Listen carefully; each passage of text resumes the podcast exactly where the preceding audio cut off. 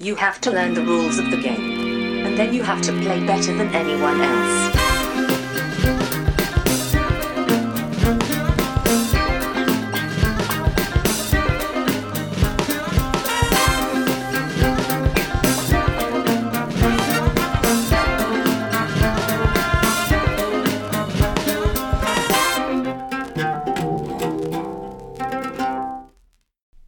Välkomna till Vems tur är det första intrycket? Podcasten där jag, Blisse, tillsammans med två till fyra mina vänner spelar ett spel för första gången och sen ger vårt första intryck av det spelet.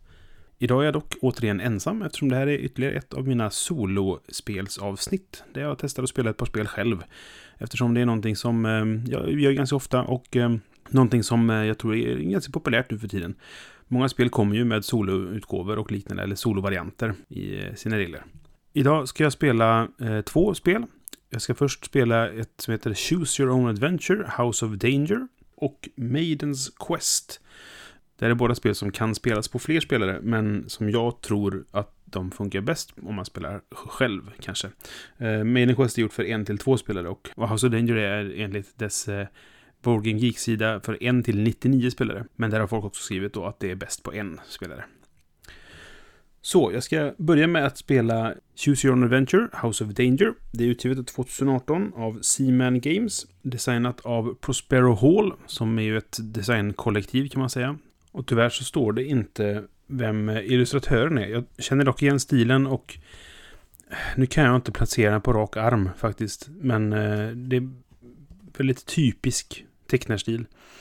Det här är ju då en variant på helt enkelt sådana här eh, ja, men, välj din egen väg-böcker som Ensamma vargen eller Silverstjärnan. Och sånt som var populärt eh, för eh, kanske 20-30 år sedan. Man kan väl säga att det egentligen var kanske min väg in i, i spel. Jag spelade väldigt mycket Ensamma vargen när jag var ung. Jag har spelat Skogen i sanden säkert hundra gånger. Och nu känns det som att jag berättat det här förut på podden, men i vilket fall ni får stå ut med mitt dåliga minne i så fall. Den här serien då, Choose Your Own Adventure eh, och bland annat då House of Danger som det här är, det är baserat på böcker av R.A. Montgomery. Jag ska väl helt enkelt ta och spela och sen så kommer jag tillbaka med mina första intryck av House of Danger.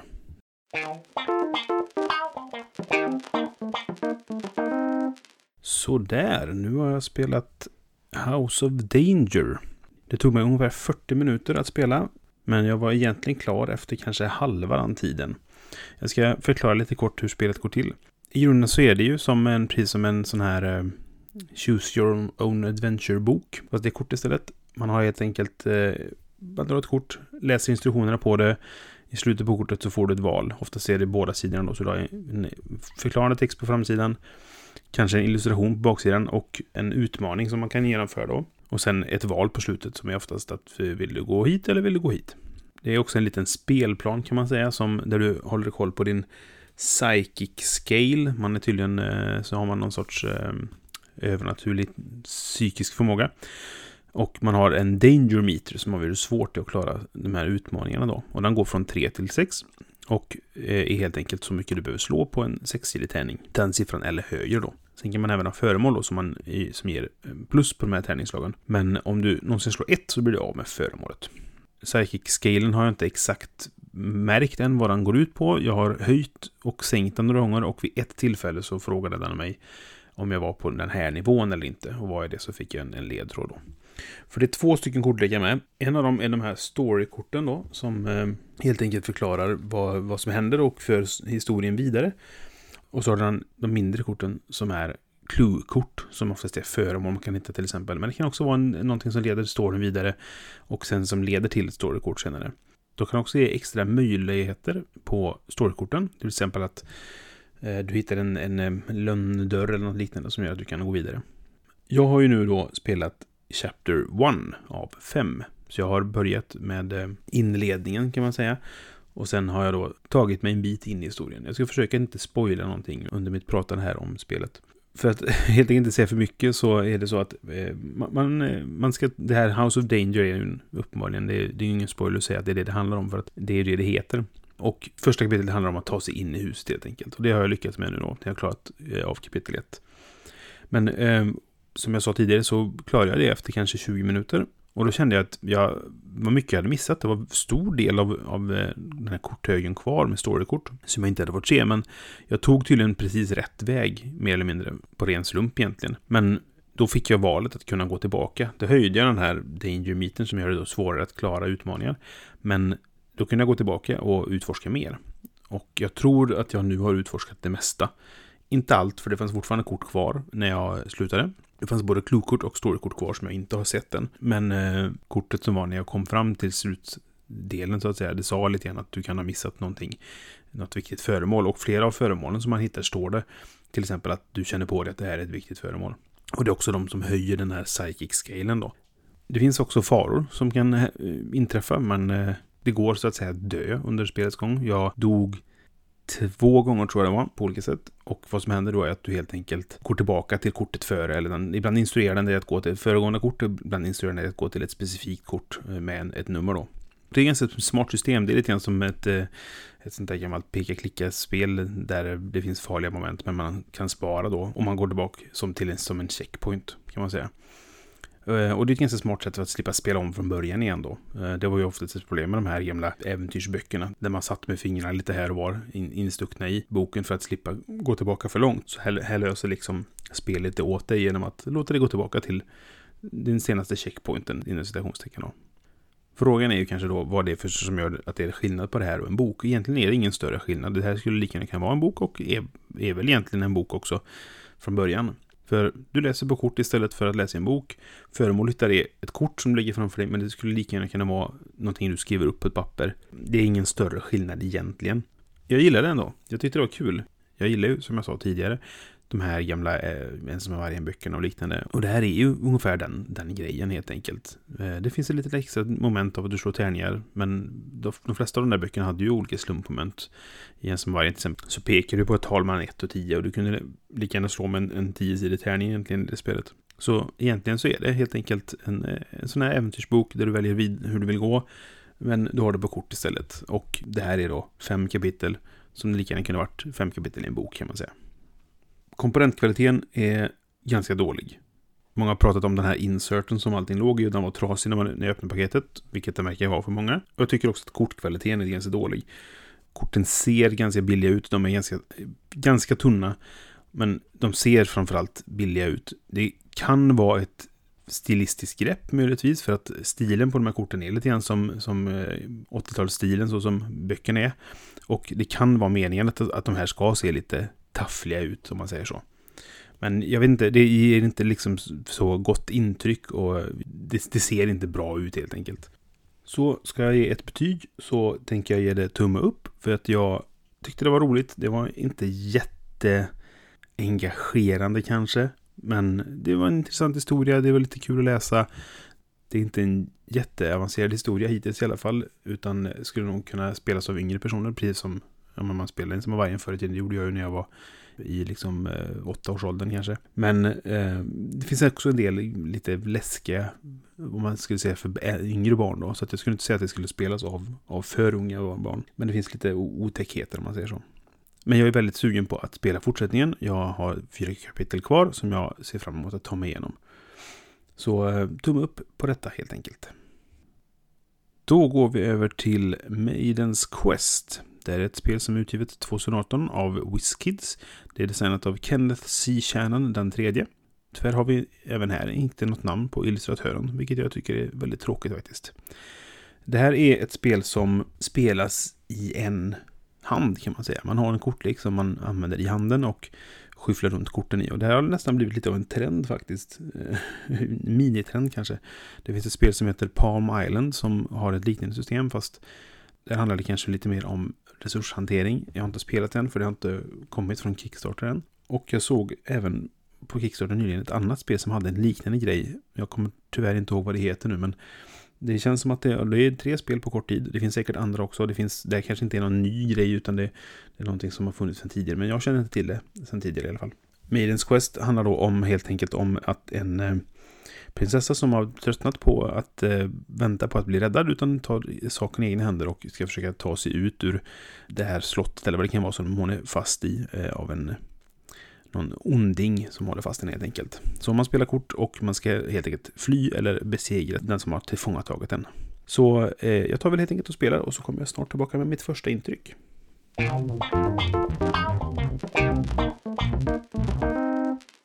Nu har jag spelat Maidens Quest. Det tog ungefär 45 minuter och jag vann med, kan man säga, minsta möjliga marginal, mer eller mindre. Hur går spelet till? Jo, jag har alltså en lek som jag bygger upp med hjälp av att jag väljer en Maiden. Det kortet avgör hur jag bygger upp stora delar av leken, det vill säga de korten som är bra för mig.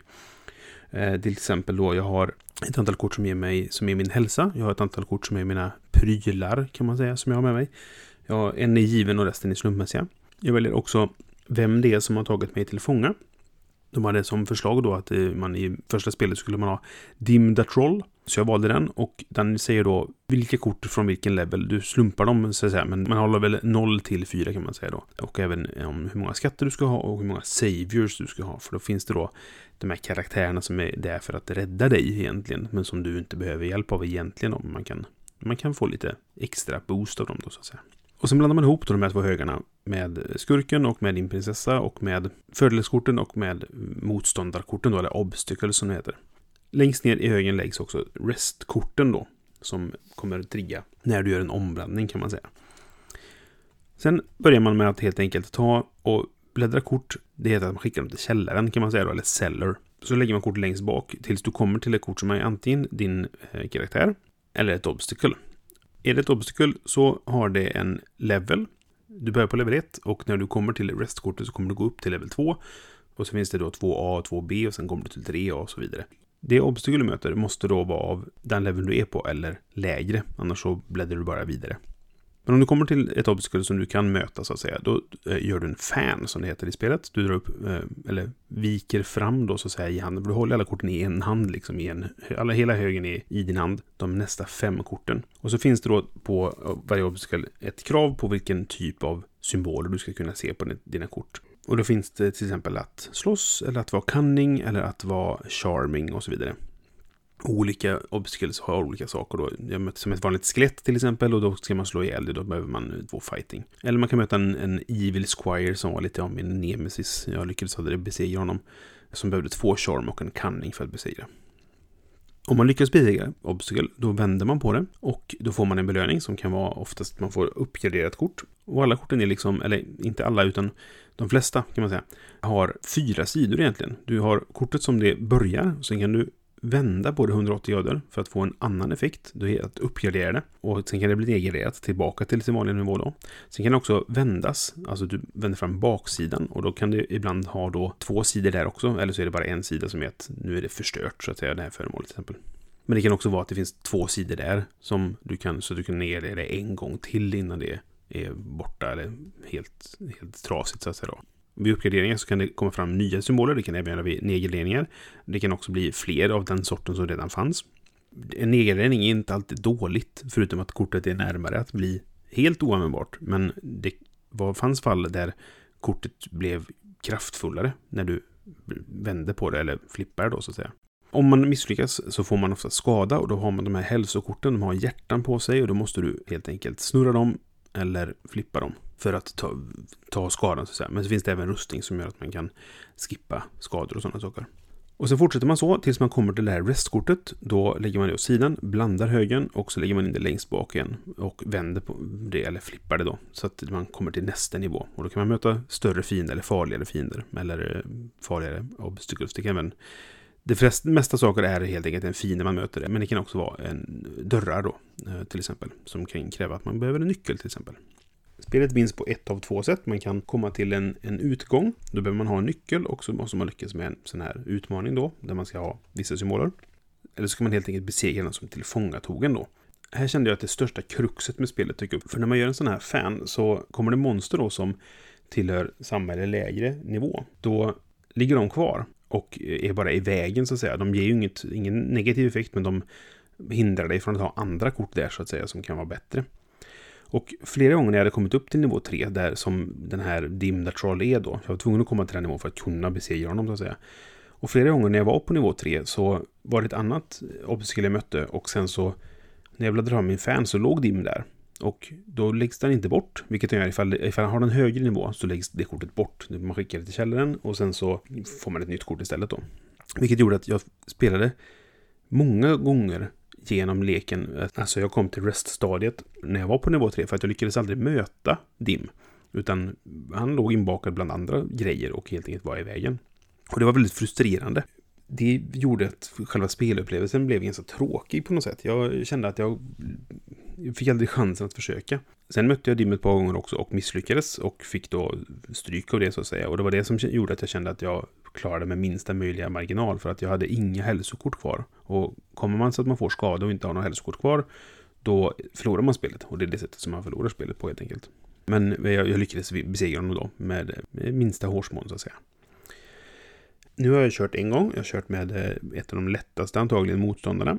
Jag valde också en slumpmässig prinsessa. Effekten på det kortet är att det kan uppgradera ett kort av, gör en fan helt enkelt och uppgradera ett kort där, men bara av en viss typ. Och jag lyckades aldrig få till det, så jag vet inte ifall det här var en karaktär som helt enkelt inte var så kompatibel med de övriga korten jag hade fått. Men det är på slump. Och det är ganska många kort kvar som jag inte har sett än. Vilket känns som att omspelbarheten är ganska hög på spelet. Det går också att spela på två spelare. Då spelar man nivå 1 och 2 separat och sen hjälps man åt från och med nivå 3.